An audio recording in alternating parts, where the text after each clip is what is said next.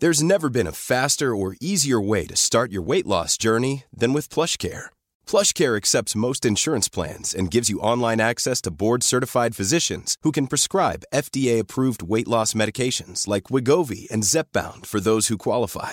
Take charge of your health and speak with a board-certified physician about a weight loss plan that's right for you. Get started today at plushcare.com slash weight loss. That's plushcare.com slash weight loss. plushcare.com slash weight loss. A lot can happen in the next three years. Like a chatbot may be your new best friend. But what won't change? Needing health insurance. United Healthcare Tri Term Medical Plans are available for these changing times.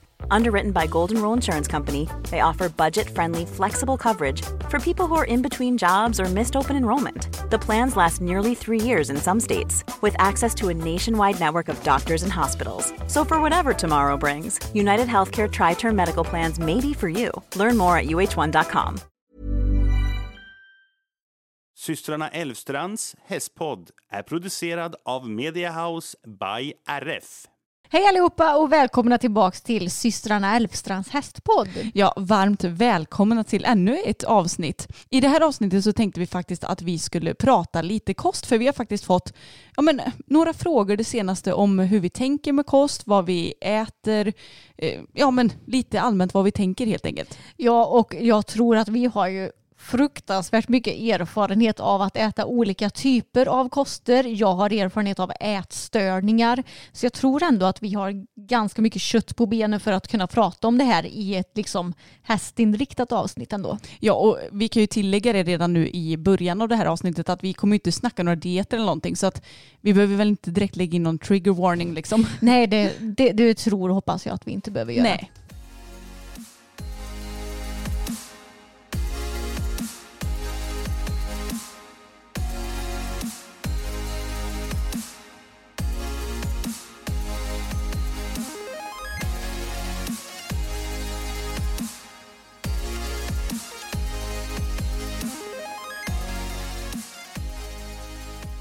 Men har du gjort något kul i helgen då Anna?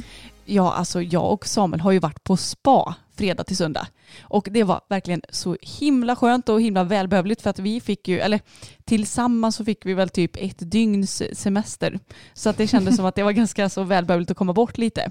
För att det är ju först när vi kommer bort ifrån vardagen som vi kan slappna av på riktigt. Ja, men det blir ju samma för mig. Alltså så är det ju när man är egenföretagare och det tror jag att säkerligen alla ni som lyssnar som också är egenföretagare känner igen sig i. För hemma så blir det rätt att man kan sitta med någonting som har med jobbet att göra. Ja, och även om man älskar det man gör så blir det ändå, alltså det blir ju en liten stress, helt klart. Ja, och framförallt så känner jag att jag måste åka iväg för att kunna lägga mina tankar på annat håll, Mm. tror jag. Verkligen jag också. Och eh, ja, men jag tänker att det kanske är fler spasugna där ute i vårt avlånga land. Så jag tänkte att jag kunde inte recensera lite men ändå säga lite vad jag tyckte om eh, stället. Och vi åkte till Vann spa, vilket ligger typ en och en halv timme ifrån oss. Så att det var ju ändå nice att åka till något hyfsat nära. Vi checkade in fredag och sen så stannade vi till söndag morgon. Och jag kan säga det att vi kan börja med rummen. För det är väl det som kommer ja men vad ska man säga, lägst ner på min lilla lista här. och eh, vi valde väl egentligen det typ billigaste rummet för vi kände att alltså, det är inte som att vi kommer hänga på hotellrummet hur mycket som helst så vi bryr oss inte om vi bor i värsta sviten eller inte. Och hade väl inte lust att lägga pengar på en svit heller för den delen.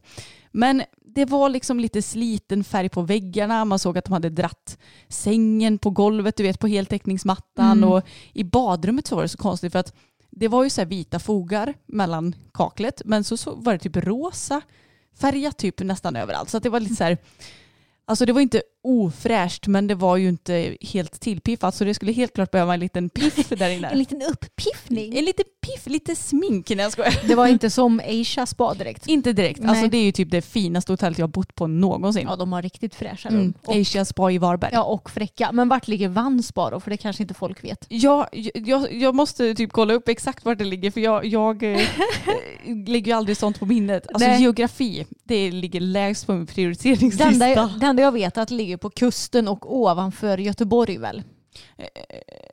För det ligger ju inte under Göteborg. Det ligger ju inte åt Kungsbacka, Varberg hållet liksom. Nej, nej det gör det ju inte. Eh, nu ska vi se. ja men man åker ju Uddevalla men sen så vad heter det exakt där det ligger? Det är en bra fråga.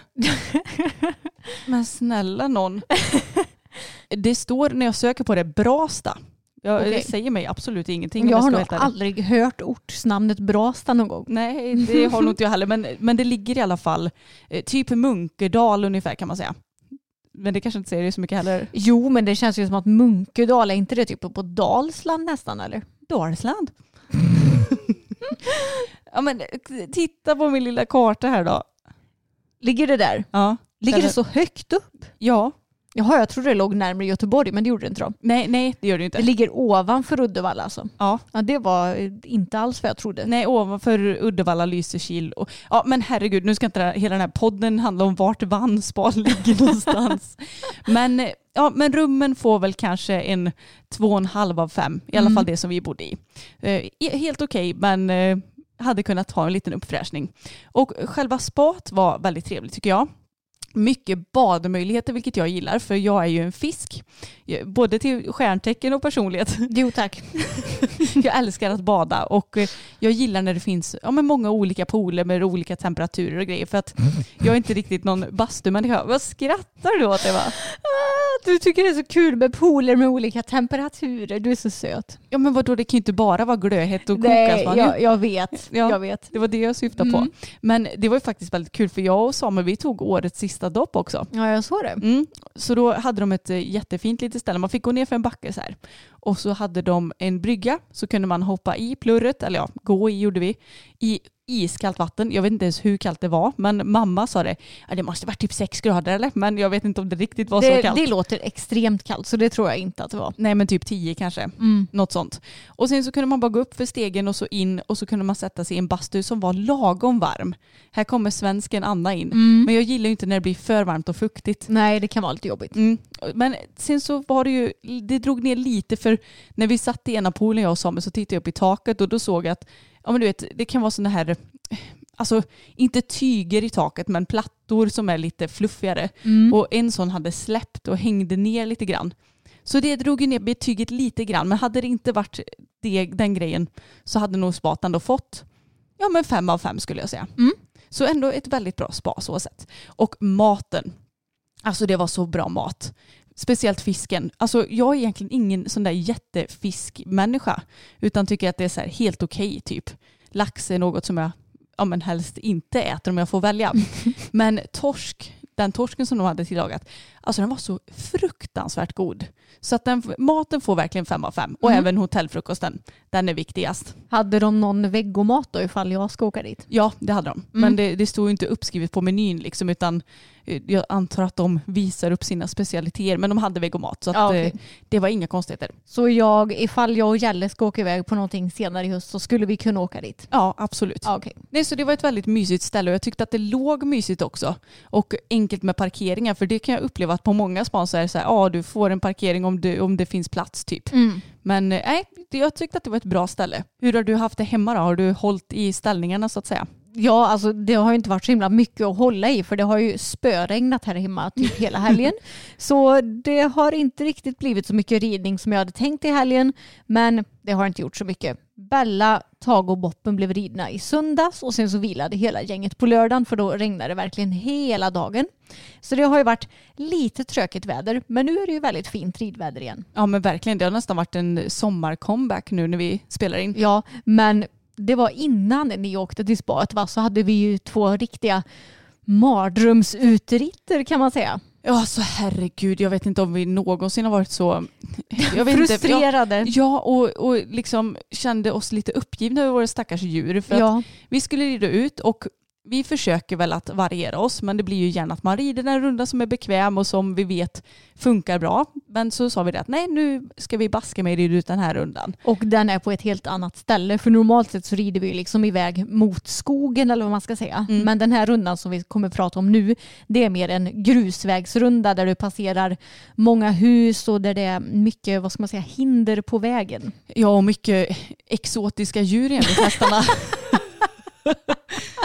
ja men när vi kommer till första gården då ser hästarna hur det springer några svarta små prickar över vägen. Mm. Då är det ju höns. Mm. Och de har aldrig sett höns tror jag i hela Nej. sitt liv. Så att de blev ju skiträdda. Tag och Boppen har ju sett höns men då, det var ju på liksom en gården som de stod på. Men nu var problemet var att vi kom på en grusväg och det är liksom skog på båda sidorna och så var det en gård på ena sidan också. Och eh, där hade de tydligen höns som gick lösa som sprang mellan skogen på andra sidan vägen och tillbaks till gården. Så hönorna sprang ju liksom hela tiden och så när hästarna fick syn på hönsen från typ 100 meters håll kanske. Ja. Alltså de fattade ju inte någonting vad det var för någonting. Nej, och det är klart som tusan att de ser det som hot. Så att, ja, men det hela slutade med när vi hade krånglat en stund så fick jag hoppa av och leda fokus förbi. Och det var knappt att han ville gå förbi ens då när jag gick först. Men eh, det löste sig ju som eh, tur var till slut. Ja, men efter det så tror jag att hästarna blev helt traumatiserade för då var allt superläskigt. Till och med Bella som ändå är en ganska så cool häst egentligen. Hon tyckte också att grejer var läskigt och problemet med den här rundan också det är ju att det är så satans djupa diken. Ja, pappa var så arg. Varför i helvete gräver de ur dikena så mycket? Det är väl så himla onödigt. Ja. Jag håller faktiskt med. För att, Mm. ja, men det, ja, hur djupt kan det vara från djupaste stället till Ja, grusvägens? det är nog närmre en, mellan 70 80 centimeter kanske. Ja, jag skulle nog säga det också. kanske så- till och med högre. Jag vet inte, det är så Nej. svårt att säga. Ja, för det Ja. lutar ju lite också. Men Mm. det, det är djupa dik, diken i alla Mm. fall. Och man vill ju inte att hästarna ska råka liksom skada sig där nere i diket om de backar ner. För det kan de ju göra när de blir rädda. Mm. Nej, men det, det, var, det var ingen rolig uteritt. Och Nej. det roliga var att vi sa det dagen efter sen att ja, men vi tar samma runda idag igen så Mm. att vi liksom biter i det sura äpplet nu. Nej, men det var, då tror jag egentligen att det hade gått bättre. Men när vi kom till den här hönsgården då kommer det en häst på långt avstånd. Mm. Så då, då blir hästarna helt paralyserade och tittar på den och sen så var det typ kört efter det. Ja, alltså de var så extremt spända. Jag red först med Bella och jag kunde ju få henne liksom förbi hönsgården men hon var ju på helspänn hela rundan. Sen är ju Bella en väldigt tryckkänslig häst så hon blir ju väldigt rädd för typ större brunnar och sånt där. Och de har byggt upp en ny jättestor brunn på den här rundan också som hon är totalt jäkla livrädd för. Alltså hon typ kan kasta sig och eh, problemet när man rider först med Bella, som ni vet så sparkar ju hon också. Mm. Så jag kan ju inte riktigt korrigera henne så mycket som jag skulle vilja för då finns det ju risk att hon backar in i någon och kanske sparkar någon och ifall jag ryggar henne så tror jag definitivt att hon hade rest sig upp på bakbenen istället. Så ja, det är väldigt svårt att veta hur man ska hantera de situationerna. Ja, och en normalt funtad människa hade ju kanske tänkt att ah, men vi skiter i den här rundan, vi rider de rundorna som funkar. Mm. Men vi är ju inte normalt funtade människor utan vi tänker att nu ska vi ska vi ska över den här tröskeln, vi ska lära dem att den här rundan också är okej. Ja, vi får ta det hela lite successivt. Men jag sa det att jag ska tävla nu till helgen. Så det får inte bli den rundan någonting mer innan tävlingen. För jag vill inte ha en hispdonna med mig på tävlingen. Nej, det är faktiskt klokt. Man får ju tänka lite eh, träningsperioder och tävlingsperioder kanske även Ja. ute i skogen. För alltså hon var seriöst typ traumatiserad efter de här två turerna. För när jag red i paddocken dagen efter de här två ritterna då var hon fan fjantig i paddocken också. Det har aldrig någonsin hänt tidigare. Nej, stackars Bella. Ja, men nu när det var några dagar sedan som de här utritterna gjordes på så känns hon inom stationstecken normal igen. Vilken tur. Jag vet. Men på tal om uteritter så hade vi ju en liten eh, dansant Tage häromdagen också. Ja, Tage han har ju varit lite fjantig nu det senaste. Ja, för grejen är att vi, det var inte länge sedan vi spelade in en video där jag red ut utan träns. Nej. Och då var han hur snäll som helst. Mm. Eller ja, snäll är han ju alltid, men han var väldigt ofjantig då. Men så red vi ut för några dagar sedan och det är egentligen ingen konstig runda och inga konstigheter, men det var bara det att när vi ja, men red på hemvägen, vi brukar alltid kunna galoppera på hemvägen. Jag vet att man rekommenderar inte att man ska det, men vi är vana och trygga vid våra hästar så vi vet ju vad som funkar liksom. Men så var det bara det att det kom en traktor precis när vi skulle fatta galopp. Så jag bara, ja men då styr jag ut i åkern här så släpper vi förbi traktor så att den får köra förbi så kan vi galoppera sen. Men det är bara det att rubbar man Tages mönster då blir han inte glad. Så då blir han lite hetsig först när traktorn åkte förbi men det var inga konstigheter så vi kunde galoppera. Och sen så var det bara en liten bit efter det så får vi möte också. Det kommer en postbil och ännu en traktor. Mm. Så då får jag än en gång styra ut i en, ja, vid en trädgård tänkte jag säga, men vid en gård. Och då blev han så hetsig alltså. Då började han dansa ut i vägen och bete sig som en liten, alltså han ser ut som en kapplöpningshäst som Ja. bara vill iväg liksom. Mm. Och jag tyckte det var så pinsamt så de fick ju stanna en bit ifrån. Mm. Och så fick jag återigen få honom vid sidan så han faktiskt stod still. Och så precis när båda de här bilarna och, eller ekipagen har passerat så dansar han liksom ut i vägen igen. Så han hade lika gärna kunnat slänga rumpan i traktorns flak. Ja, jag såg det där att det var inte så långt ifrån att han gjorde det. Nej, jag kände det och jag Mm. kände också att jag kan inte göra någonting för nu är han bara inställd på att han ska hem. Exakt. Så ja, när han väl fick lov att börja trava igen då lugnade han ner sig lite men ja, det är så jobbigt när de blir sådana där hetspellar alltså. Ja, men jag tror det beror på att det har blåst mycket det senaste också. Mm. Det har ju typ knappt blåst någonting alls i sommar mot vad det brukar göra på Slätta. Och nu har det fan blåst eh, väldigt mycket det senaste så hästarna har blivit lite mer woho! ja, de måste reagera lite på det. Mm. Och det roliga är att alltså, Tage har ju varit lite så här, så fort det blåser lite i något träd och alla andra träd står still så har han blivit helt så här, men gud vad är det för någonting? Ja. Och jag bara, alltså det är ett löv Tage. Mm. Så han har varit lite på sin vakt. Ja, men nu idag, till och med när vi spelar in det här avsnittet, så har ju vi precis mentaltränat Fokus och Bella. Och det var skitkul för jag känner verkligen att vi båda har utvecklats väldigt mycket med hästarna det senaste. Ja, alltså vi har kommit en så lång bit på vägen och speciellt det här senaste året känns det som att mycket har fallit på plats och det som har varit svårt tidigare börjar bli en mer, vad ska man säga, eh, självklar grej nu för tiden. Och Anna sa flera gånger under passet, jag får rysningar tjejer, Ja. jag får rysningar. Och då blir man ju extra glad. Ja, men det är så härligt för jag känner verkligen att Bella hon är, hon är med mig så himla mycket mer mot vad hon var för ett år sedan. För ett år sedan så var det nej jag vill inte, nej jag vill inte, nej jag vill inte. Hon var liksom sur hela tiden, försökte verkligen göra allt för att ja, slippa göra det som jag bad henne om. Nu har hon blivit mycket mer alltså, mjuk i sin approach. Man ser det på hela hennes ögon att de är mycket mjukare. De är inte alls tjuriga som de har varit förut. Nej, verkligen inte. Det är klart att hon är ju fortfarande ett sto och hon har egentligen mycket dominans i sig så ibland så kan hon ju liksom visa på lite sådana tendenser. Men alltså det är typ nästan aldrig jämfört med vad det var förut. Nej, herregud vad du fick kämpa förut för att hon bara tjurade ihop liksom. Ja, och nu har jag ju fått problemet att min egen energi har blivit för stark så att jag har skapat ett för stort tryck mot henne.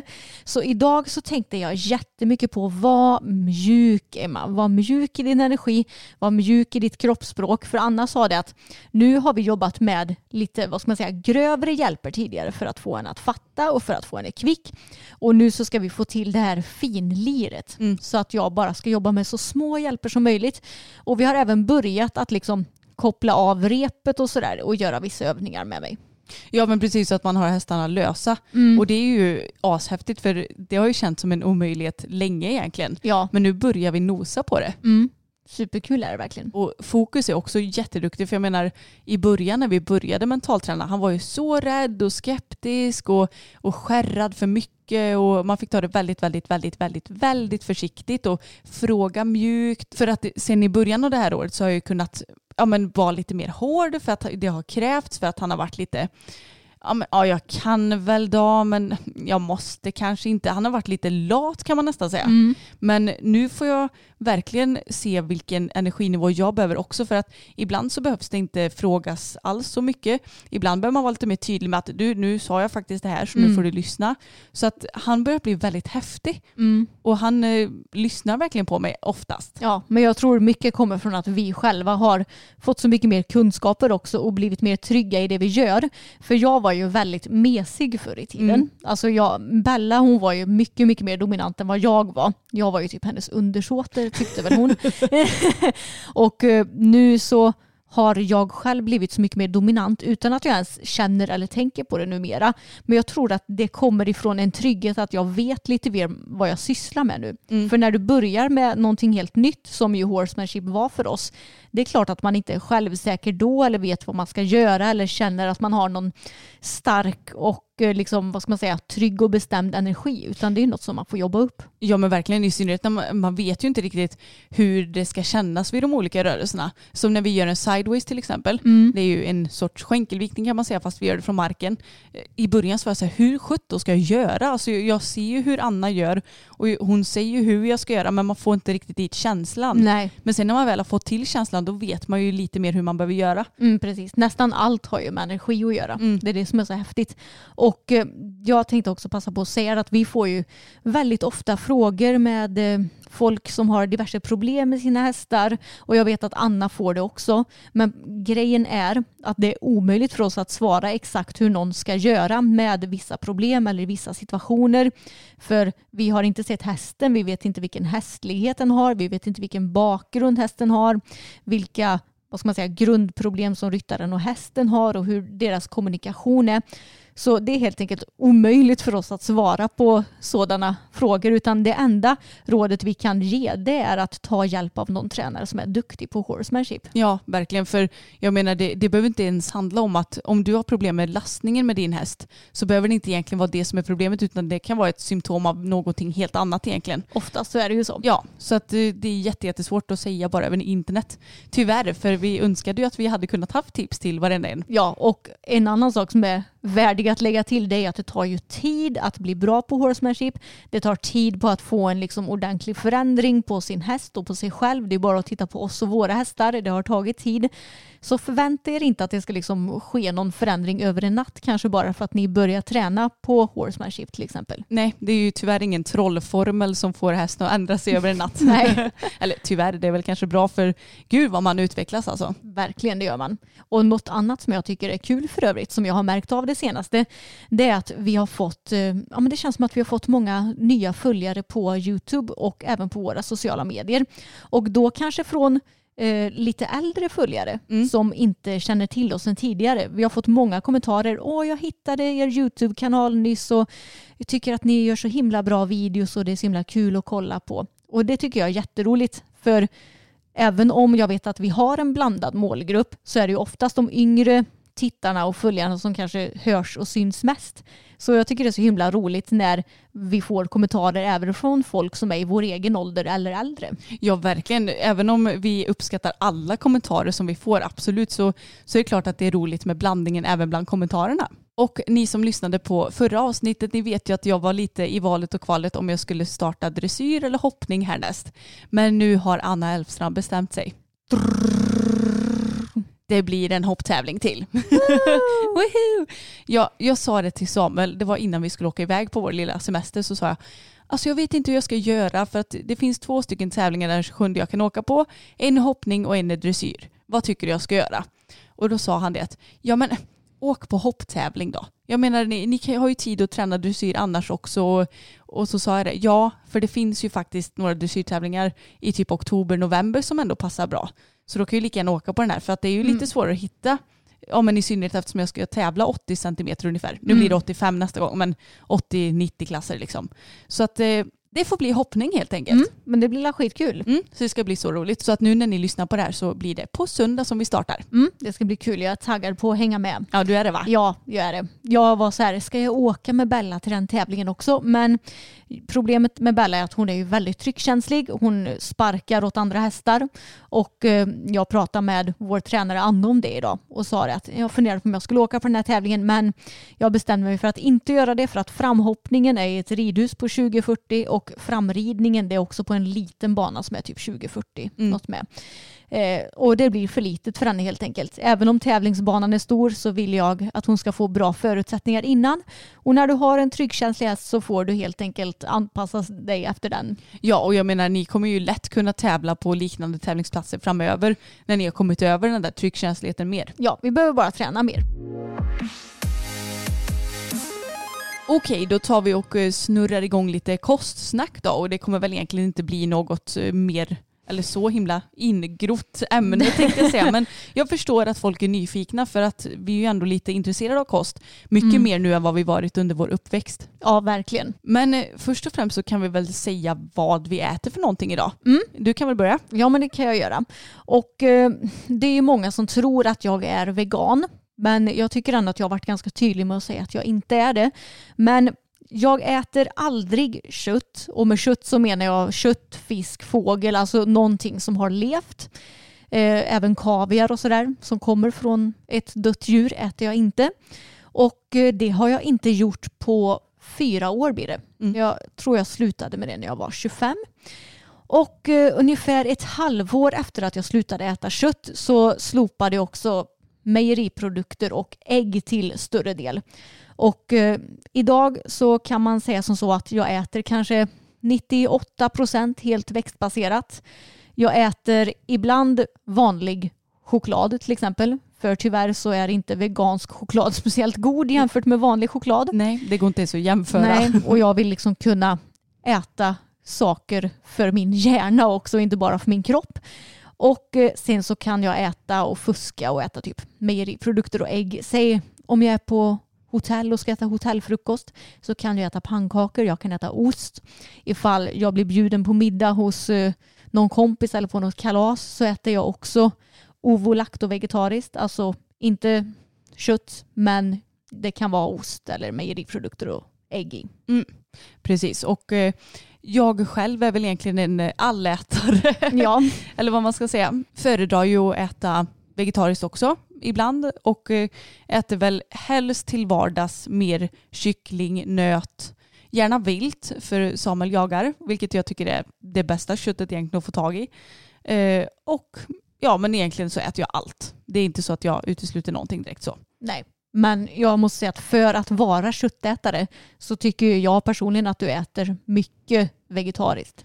Jo men det gör jag väl också och det är väl både att Ja men dels så tycker jag ju att det är kul för att det blir ett helt annat tänk i vegetarisk kost och du behöver gå lite utanför din comfort zone. Mm. Så, som innan som enbart köttätare tänkte jag säga så, så blev det väldigt mycket samma recept och man lagade liksom sina eh, tre olika maträtter typ. Mm. Och nu får man gå utanför boxen lite mer och vågar experimentera lite mer kanske också. Mm. Och vågar testa nya saker för att innan så har jag varit så här, bönor, men det är ju skitgott. Ja, alltså det är verkligen något som jag märkte sen jag la om min kost att mitt matintresse har blivit mycket större. Jag tycker det är roligare att laga mat. Jag har lärt känna otroligt många mer nya ingredienser.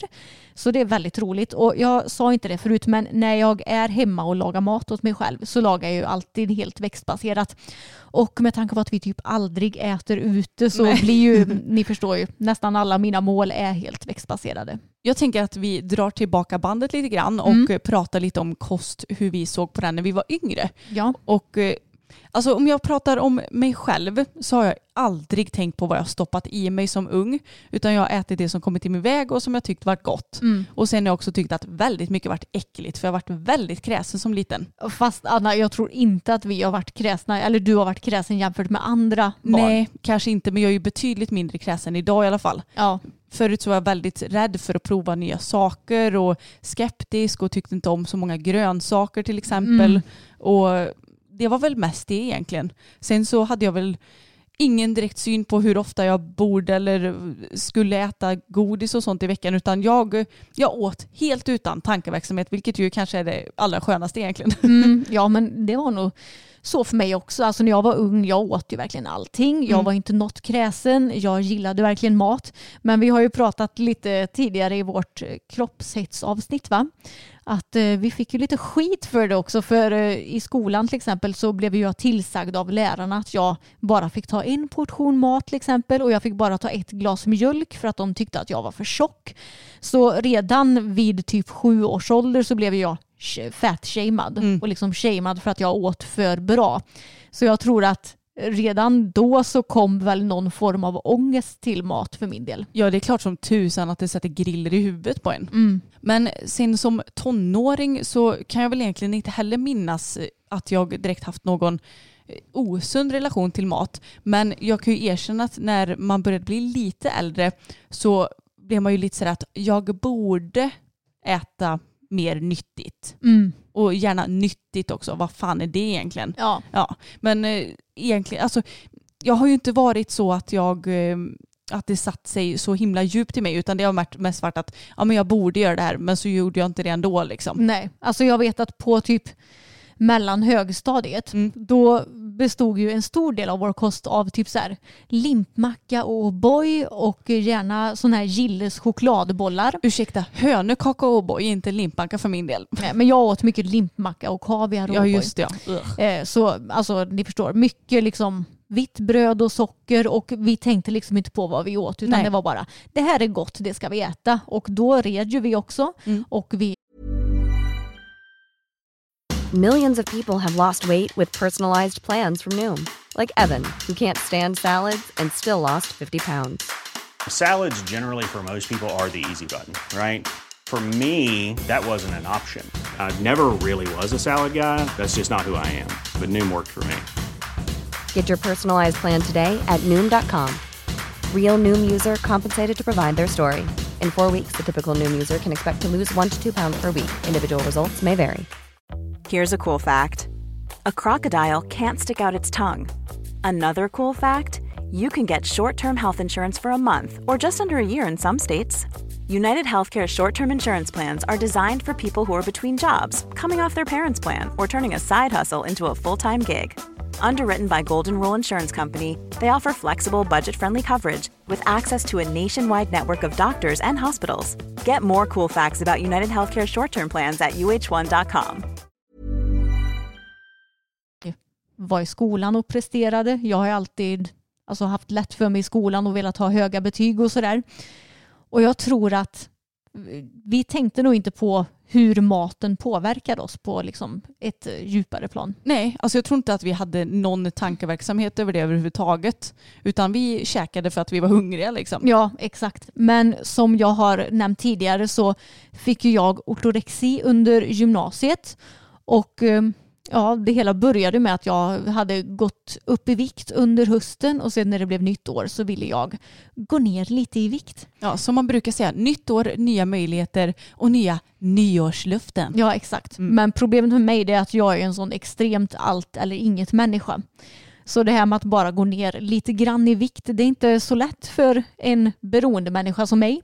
Utan jag blev ju liksom beroende av att se resultaten mm. och ville hela tiden bli mindre och mindre och jag fick hela tiden komplimanger från folk som sa åh vad smal och fin du har blivit.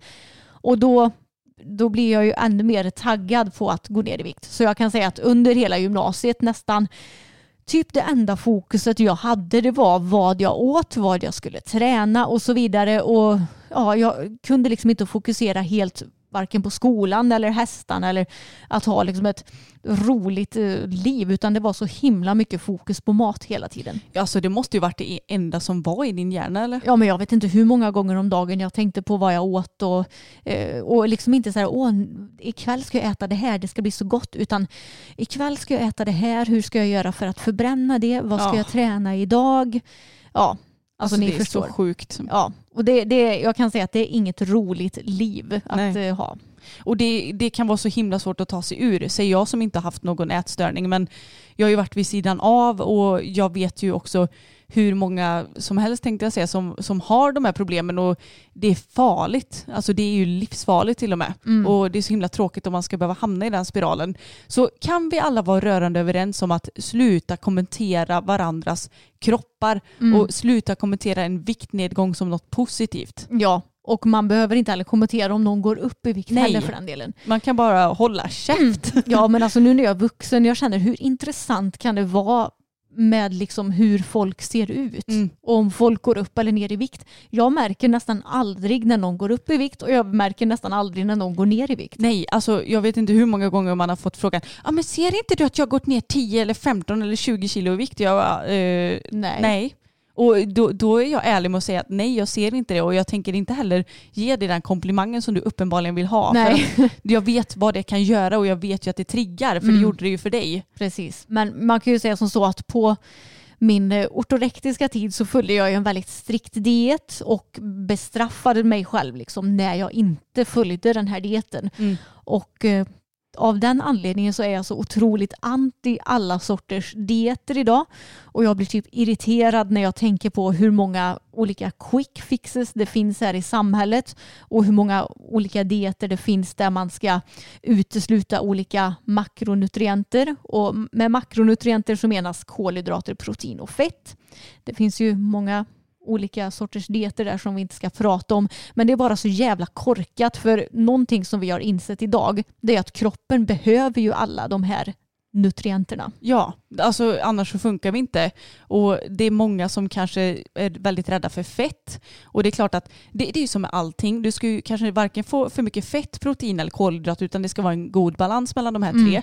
Men får du inte tillräckligt med fett då kan vi som kvinnor vi kan utefå, utesluta vår mens, tänkte jag säga. Vad heter det? Att ja. mensen uteblir. Mm. Och den behövs. Alltså vi har ju den av en anledning. Ja exakt. Och eh, jag tänker också på de flesta som eh, använder någon sån här, som jag tycker då, korkad diet. Mm. Det är inte några elitidrottare direkt, utan om du tänker på alla elitidrottare som finns i världen.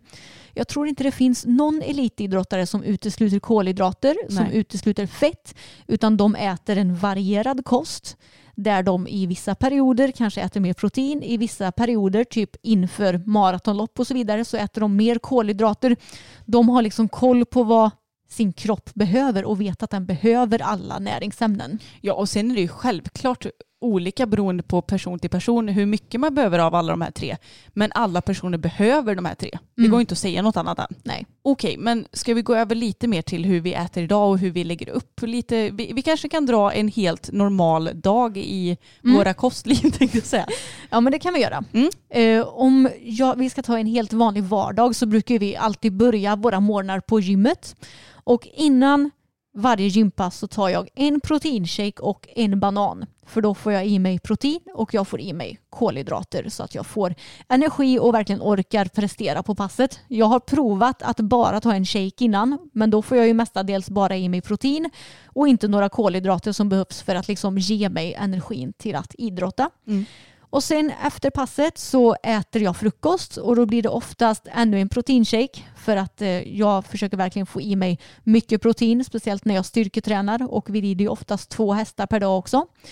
Och sen så blir det också en tallrik sojgurt med müsli och kanske något knäckebröd med VGR på, alltså vegansk kaviar. Och sen till lunch så blir det ju matlådan från det som jag åt kvällen innan. Och det kan ju vara vad som helst men jag ser i alla fall alltid till att få i mig ordentligt med kolhydrater, fett och protein.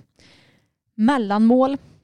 Alltså det är inte alltid som vi äter mellanmål på eftermiddagarna. Nej, det beror lite på. Men Mm. det, det kanske blir något mer snabbt, typ en banan. Ja. Eller, det behöver inte vara något allvarsamt Nej, eller något stort utan kanske en macka, en banan, en proteinbar, alltså någonting som går snabbt och lätt att få i sig. Och sen på kvällen så blir det ju något liknande som jag åt till lunch. Jag brukar se till att variera så att jag till exempel inte äter pasta varje dag eller potatis varje dag eller ris varje dag. Dels för att jag tycker att det är tråkigt och dels för att jag tänker att det är bra för kroppen att variera så mycket som möjligt. Jag äter ju till exempel inte kikärtor varje dag eller bönor varje dag utan jag varierar både kolhydratkällorna och proteinkällorna och fettkällorna varje dag. Ja, och jag äter väl egentligen lite liknande dig. Jag, eh, det beror lite på vad jag börjar min dag med, men oftast så brukar det bli en tallrik med havregrynsgröt. Och det var något som jag hatade förut. Alltså verkligen avskydde havregrynsgröt. Men jag har hittat mitt knep som funkar för mig. För att dels har jag provat att ha, att ha i proteinpulver för att få någon annan smak på det. Höll på att spy. Eh, jag provade att göra typ, det finns ett proteinpulver som man kan göra som en, eh, vad heter det, typ kräm eller eh, Ja. pudding av. Höll på att spy då med. Och bara, hur ska jag göra för att få i mig gröt? För att jag Mm. tycker att det är ett billigt och snabbt sätt att få i dig liksom bra grejer. Mm. Men tricket för mig är att ta en deciliter havregryn, två deciliter vatten i en liten kastrull, kokar det tills det blir ganska alltså, tjock gröt eller vad man ska säga. Jag gillar inte den är för rinnig. Utan gärna ganska fast gröt. Och salt är väldigt viktigt. Jag tar dubbelt så mycket salt som det står i, i själva liksom, på paketet. Även om jag vet att salt inte är så bra, men det blir inte så salt. Och sen så toppar jag med kanel, kardemumma, banan och sötad mandeldryck. Mm. Då blir det mums. Så Ja. det är exakt det jag äter på morgnarna. Har jag ingen banan hemma då gråter jag en skvätt. och sen så efter gymmet så det beror lite på hur, alltså hur nära lunch och så det är men ofta så kan det bli ett par typ majskakor som jag tycker är goda. Det finns ju med lite olika smaker. Brukar jag köpa på mig för de är så himla bra att ha som lite snacks när man blir sugen på någonting också. Men eh, oftast så brukar det inte bli så mycket för att havregrynsgröten håller jag mig ganska bra på. Eller någon shake eller någon dryck eller något sånt där. Men något lite lättare innan lunch. Och sen så till lunch, ja det beror ju helt på vad vi har lagat till mat, jag och Samuel. Men oftast så blir det ju som du säger lite varierat. Antingen någon gryta med ris eller potatis eller vad det nu kan vara. Någon lasagne, pasta med något gött till.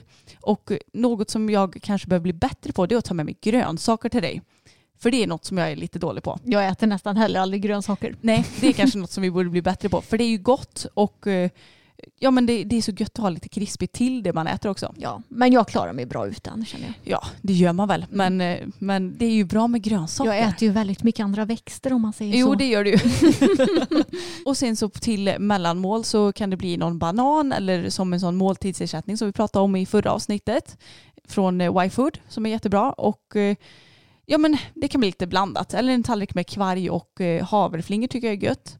Det går fort att få i sig och är gott och där måste jag också säga att kvarg var något som jag eh, alltid köpte när jag jobbade på lager för att det fanns ju sån här Lindalskvarg i perfekta portionsformar, formar, vad säger jag, portionsförpackningar.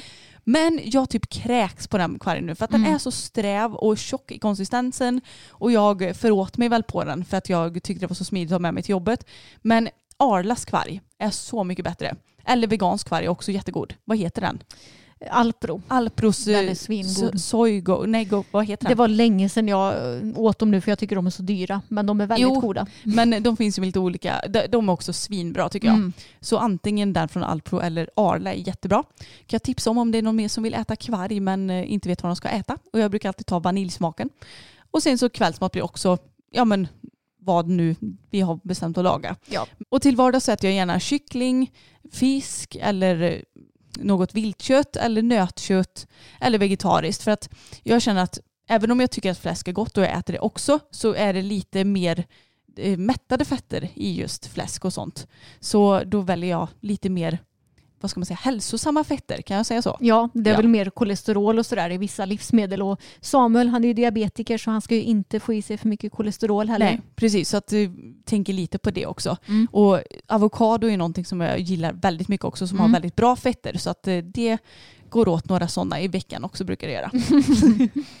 och nu har vi ju pratat väldigt allmänt med hur vi brukar äta en vardag liksom. Men hur brukar du tänka inför ett ridpass då Emma? Hur, Mm. hur tidigt på dagen brukar du äta inför ett ridpass och vad brukar du äta innan du rider och sådär? Jag tycker det är väldigt nice att inte vara för mätt när jag ska rida. Om vi tar till exempel när vi är iväg och hopptränar på kvällarna. För då har ju vi ätit hela dagen innan. Och vi brukar oftast hoppträna vid sex på kvällen. Och det är egentligen en ganska så normal middagstid. Så jag brukar faktiskt föredra att äta min middag innan det.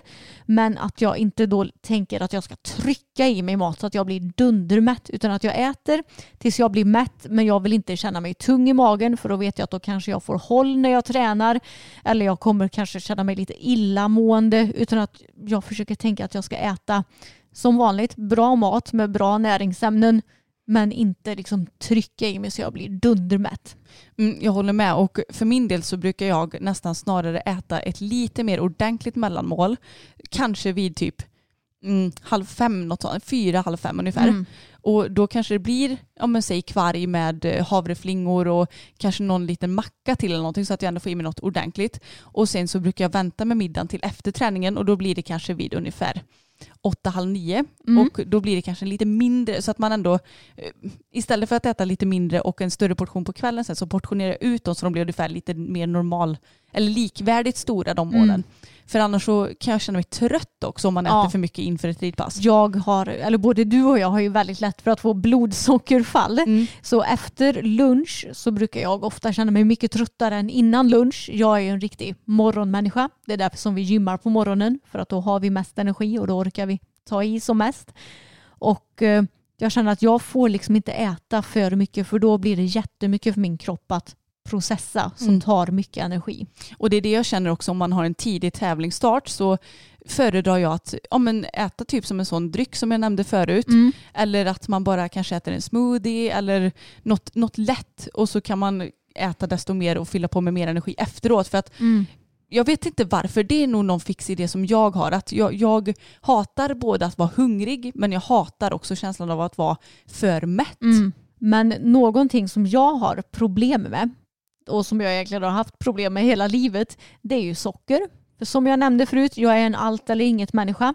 Jag är en extremt beroendemänniska. Och något som jag är beroende av och som jag antagligen kommer vara beroende av hela livet det är socker. Alltså jag skulle säga att majoriteten av alla människor som lever på denna jord är mer eller Ja. mindre sockerberoende. Alltså problemet är ju att vi människor vi har ju exakt samma hjärna nu som vi hade när vi var liksom grottmänniskor. Och då var det ju så himla viktigt att liksom, åh där ser jag ett bär, det måste jag äta och få i sig socker. Men nu är socker så himla lättillgängligt. Så det är det som blir problemet för oss eh, idag. Ja men verkligen. Och då gäller det ju kanske att hitta sin väg för att inte överäta sig på socker. Nej, och jag har ju egentligen om jag ser tillbaka i tiden så har jag nästan aldrig kunnat äta en vad ska man säga, hälsosam mängd socker. Utan antingen har jag ätit typ godis varje dag eller som jag, vi nämnde förut chokladbollar varje dag. Eller så har jag fått utesluta socker helt i min kost vilket jag tycker är skittråkigt att behöva göra. För både du och jag anser ju att dels så måste du som de idrottare vi är äta så att det gynnar kroppen, så att vi orkar prestera och så att vi mår bra. Men vi måste ju också äta så att vår hjärna blir glad. Och själen. Och själen, ja exakt. Och något som gör mig glad det är choklad, kan man ju lugnt säga. Ja, alltså en liten rolig anekdot är att Emma beställde hem ett kilo Delicio-choklad och fick hem det igår. Ja, det har blivit lite delicy nu de två senaste dagarna kan man säga. Mm. Är det Ja. din favoritchoklad? Oh ja, Och vi, måste nästan, världen. vi måste nästan länka eller visa hur en Delicio-choklad är vi eller ser ut. vi kan lägga upp det på Instagram. Ja, det får vi göra. Ja, nej men så problemet för mig det är att eh, jag har ju märkt att socker är ju väldigt trevligt för min själ men väldigt dåligt för min kropp. Och min kropp visar väldigt tydligt när jag har ätit för mycket socker. Jag får ondare i kroppen. Jag blir jättetrött. Jag känner mig liksom hängig, jag känner mig svullen och eh, när jag har ätit mycket socker en kväll, jag får svårt för att somna på kvällen. När jag vaknar dagen därpå så känner jag mig nästan lite bakis så jag brukar säga att jag är sockerbakis dagen efter att jag ätit socker. Ja, men du får huvudvärk och hela köret eller? Ja, alltså jag känner mig inte fräsch i kroppen och av den anledningen så har jag lite som regel att jag inte får äta socker dagen innan tävling till exempel. Nej, men det är väl ganska klokt för jag menar då kan du istället eh, käka en bit choklad efter du tävlat. Ja, exakt. Och det funkar faktiskt väldigt bra. Och eftersom jag är en allt eller inget människa så har jag väldigt svårt för att bara äta lite socker också. Eller några bitar godis. Det går inte. Nej, för, för det är många som säger att ja men ibland så gör det ingenting om man äter lite godis till mellanmål. Och nej det gör det inte men för dig och mig så är det svårt att bara ta några bitar liksom. Mm. Det är ju det. Är man en sån som ändå bara kan ta ett par bitar då är det väl inga konstigheter. Nej, liksom. exakt. Jag avundas verkligen de människorna. Ja men jag kan säga. Men man måste lära känna sin egen kropp och vad som funkar för en själv. Mm. Men varken du eller jag rekommenderar ju kanske att eh, äta mycket socker precis innan eller typ dagen innan tävling eller när du ska prestera liksom. Nej men precis och egentligen så är det väl som med socker som med allt annat att det är ju om man ska vara sån så är det mycket bättre att du portionerar ut socker och äter det lite lite varje Mm. dag än att äta asmycket på fredagen. Så är det ju. Egentligen, men nu vet vi att det är svårt för, för folk att göra Mm. så. Sådana som dig och mig. Ja, och grejen med socker det är ju att det ger ju en väldigt snabb kick. Så säg att du kanske vill äta socker på tävlingsdagen, då ska du äta det typ precis innan din tävlingsstart. Mm. För då kommer ju blodsockret att kicka in kanske när du går in på banan.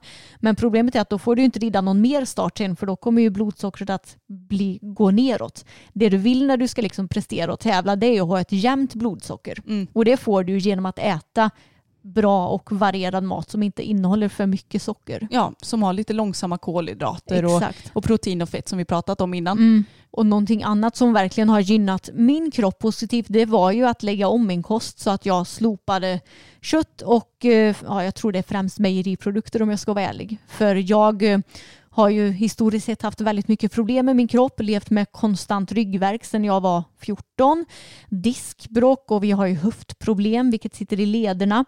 Och jag har blivit så mycket mer smärtfri sen jag slopade animalier. Jag känner mig så mycket fräschare i kroppen. Känner mig alltså mycket mer som en idrottskvinna, roligt nog. Och jag har blivit mer medveten om min hälsa utan att det har gått för långt som när jag hade ortorexi. Nej precis, alltså vi är så jäkla anti att man ska behöva tänka för mycket på kosten och man kan läsa av en förpackning om det är OK innehållsförteckning utan att behöva liksom räkna och hålla på och, Mm. och att det sätter griller i kroppen för det, det vill vi verkligen inte och jag är jättemotståndare för att börja räkna och ha sig. Ja, vi räknar ju aldrig kalorier till Nej, exempel. aldrig aldrig och Nej. skulle aldrig få för mig att börja göra det för att jag vet hur lätt det är att hamna i ett dåligt mönster. Mm, Så att det är bättre att bara ha någon sorts översikt över sin kost skulle jag säga. precis. Och jag vet också på tal om att vi käkar oftast fem mål om dagen så var det några som var väldigt förvånade över att vi gör det. Men det är ju ofta så också, som vi nämnde det här med jämnt blodsocker, att du behöver ju puffa på lite energi hela tiden. Och det är så också att man måste lära känna sin egen kropp. Hatar du att äta frukost om du verkligen inte får i dig någonting så ska du såklart inte tvinga dig själv att göra det.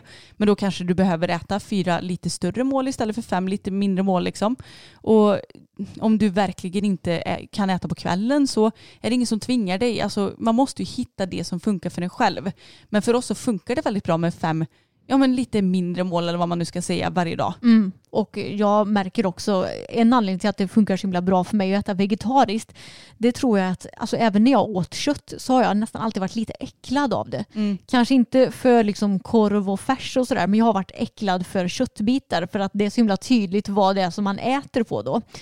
Och jag får nog enklare i mig protein av att faktiskt äta växtbaserat. För då kan jag få i mig proteinen utan att känna mig äcklad av det. Ja, man måste ju verkligen hitta den kosten som man själv tycker om och som man inte blir äcklad av för det är ju kanske det viktigaste av allt. Nej men eh, för att sammanfatta då så försöker vi väl att äta så varierat som vi bara kan och eh, måndag till fredag så äter vi så som vi nämnt och sen så blir det såklart godis och bakverk utöver det. Men det blir kanske vid lite mer välvalda tillfällen än hela tiden. Mm. Och är du en sån som äter godis varje dag så går det väl jättebra att göra det om det funkar för dig men det funkar inte för dig och mig helt Nej, enkelt. det gör inte det. Och det viktigaste som man kanske ska ta med sig av det här avsnittet det är att lyssna på din kropp och känna efter vad som Alltså vad den mår bra av. Jag har ju märkt väldigt tydligt vad min kropp mår bra av. Jag märker väldigt tydligt när jag har ätit alltså mycket socker i perioder och att jag mår sämre av det. Och det ger en himla vad ska man säga, bra morot för, för att faktiskt äta bra för kroppen och inte bara för knoppen. Precis och det är helt okej att äta dåligt i perioder också. Men nu, eller Verkligen. dåligt säger jag inom citationstecken i perioder för att vad fasen vi lever ett liv. Mm. Det är inte så att vi måste leva i något eh, jäkla matfängelse där allt eh, måste vara tråkigt. Det behöver inte vara bara för att man inte äter socker. Men ni förstår vad jag menar. Att ibland så har man en period där man kanske äter lite mer socker och ibland har man en period där man inte äter så mycket socker. Ja, Det är bara livets gång. I somras åt jag väldigt mycket socker. Men eh, jag, det, det är så skönt för numera så kan jag äta mycket socker i perioder utan att liksom känna några skuldkänslor till det. Mm.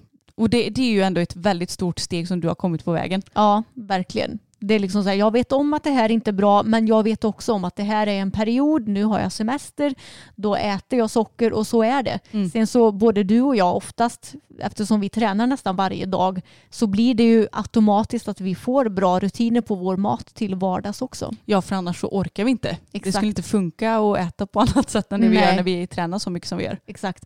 Men hörni, vårt främsta tips till er är att uteslut ingenting. Nu har jag uteslutit kött och sådär men det är ju ingen makronutrient. Nej, precis. Alltså herregud, det är ju ett protein även om du inte får i dig köttbitar. Liksom. Mm, precis, och det har ingenting med att jag vill typ bli smalare eller något sånt där att göra utan det är ju av etiska skäl för djuren och miljön och sen har jag också märkt att det är bra för min egen kropp. Se till att variera kosten så att du inte tröttnar för att eh, jag är väldigt bra på att snöa in mig på saker. Mm. Om jag hittar saker som är goda så äter jag gärna det tills jag blir typ äcklad av det. Ja. Det är ett tips att inte göra så. Nej, jag är lite likadan. Jag förstår mig inte på de som kan laga typ så här, nu lagar jag en matlåda på söndagen och så äter jag det hela veckan. Nej. Alltså jag hade typ aldrig kunnat äta den maten igen. Nej, alltså jag måste ha minst två rätter i alla fall så Ja. att man kan äta en rätt till lunch och en till middag då i så fall. Jag brukar ha tre maträtter som jag äter på en vecka. Mm. Och så det är, bra, det är bra att variera för både liksom hjärna och eh, hjärta tänkte jag säga. Men sen också att eh, njut av maten och, och se till att mat inte behöver vara något allvarsamt heller. För att jag kan tycka att antingen så är man lite som mig när jag var liten, att man totalt skiter i vad maten är och att man bara tar det för givet och, och tuggar och sväljer och tänker inte så mycket på det. Eller så blir mat en ångestgrej. Mm. Och jag bara önskar för alla skull att mat bara kan få vara mat. Ja, Det är en livsnödvändig grej och ibland så äter vi en pizza för att det är gött och ibland så äter vi någonting för, för att ja, men det ska vara lite bättre energi för, för kroppen. Liksom. mm. och jag tycker att det här borde vara någonting som kanske både föräldrar och lärare lärde ut i större grad till sina barn. För numera känns det som att många växer upp med typ föräldrar som kanske bantar eller som har en negativ syn på mat och det är klart som fan att det förs vidare till barnen. Ja, alltså jag, jag eh, vet också bekanta som har sagt att ja men min mamma kallade mig för tjock under hela min uppväxt så Mm. att jag mår inte så bra över det. Nej tro fan det! Alltså våra föräldrar har aldrig någonsin kommenterat vår kropp och jag är de evigt tacksamma för det. För att, ja, jag, jag, nu blir jag upprörd.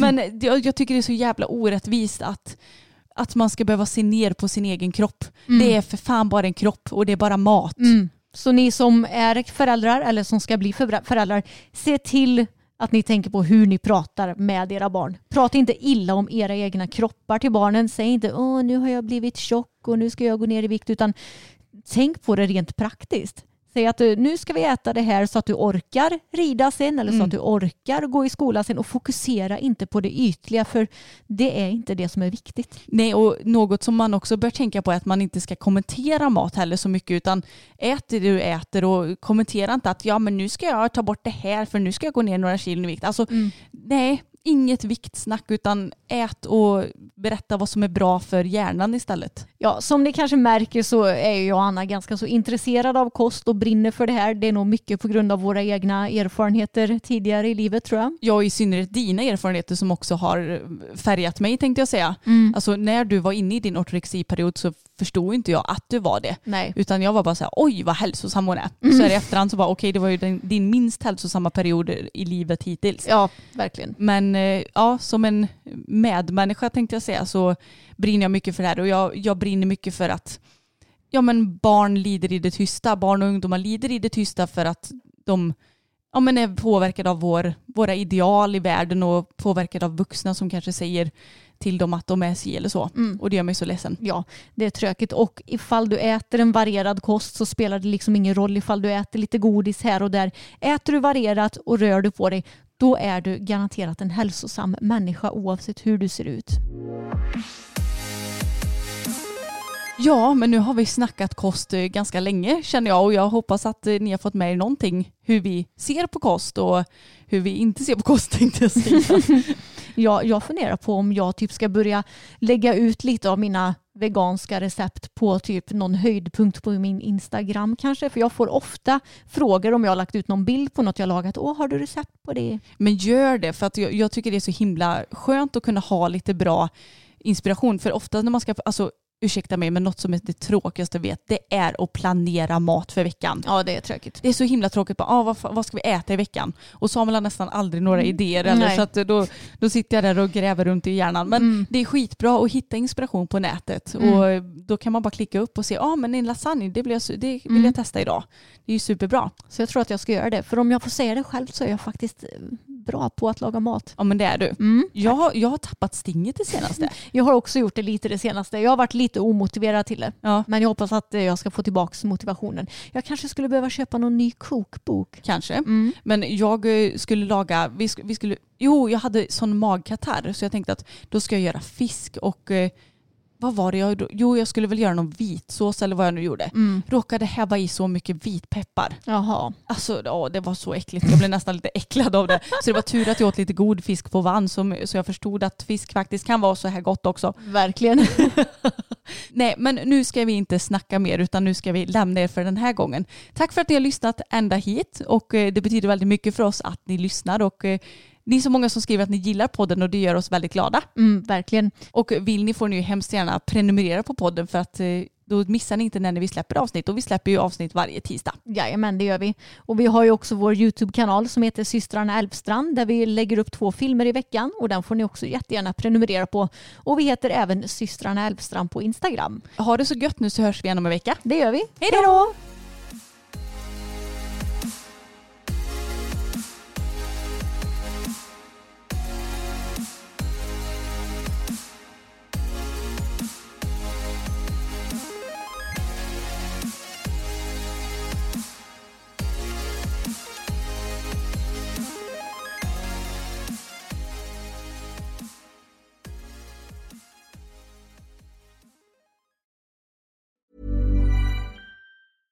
Cool fact a crocodile can't stick out its tongue. Also, you can get health insurance for a month or just under a year in some states. United Healthcare short term insurance plans, underwritten by Golden Rule Insurance Company, offer flexible, budget friendly coverage for you. Learn more at uh1.com. Planning for your next trip? Elevate your travel style with Quince. Quince has all the jet setting essentials you'll want for your next getaway, like European linen, premium luggage options, buttery soft Italian leather bags, and so much more. And is all priced at 50 to 80% less than similar brands. Plus, Quince only works with factories that use safe and ethical manufacturing practices. Pack your bags with high-quality essentials you'll be wearing for vacations to come with Quince. Go to quince.com/pack for free shipping and 365-day returns.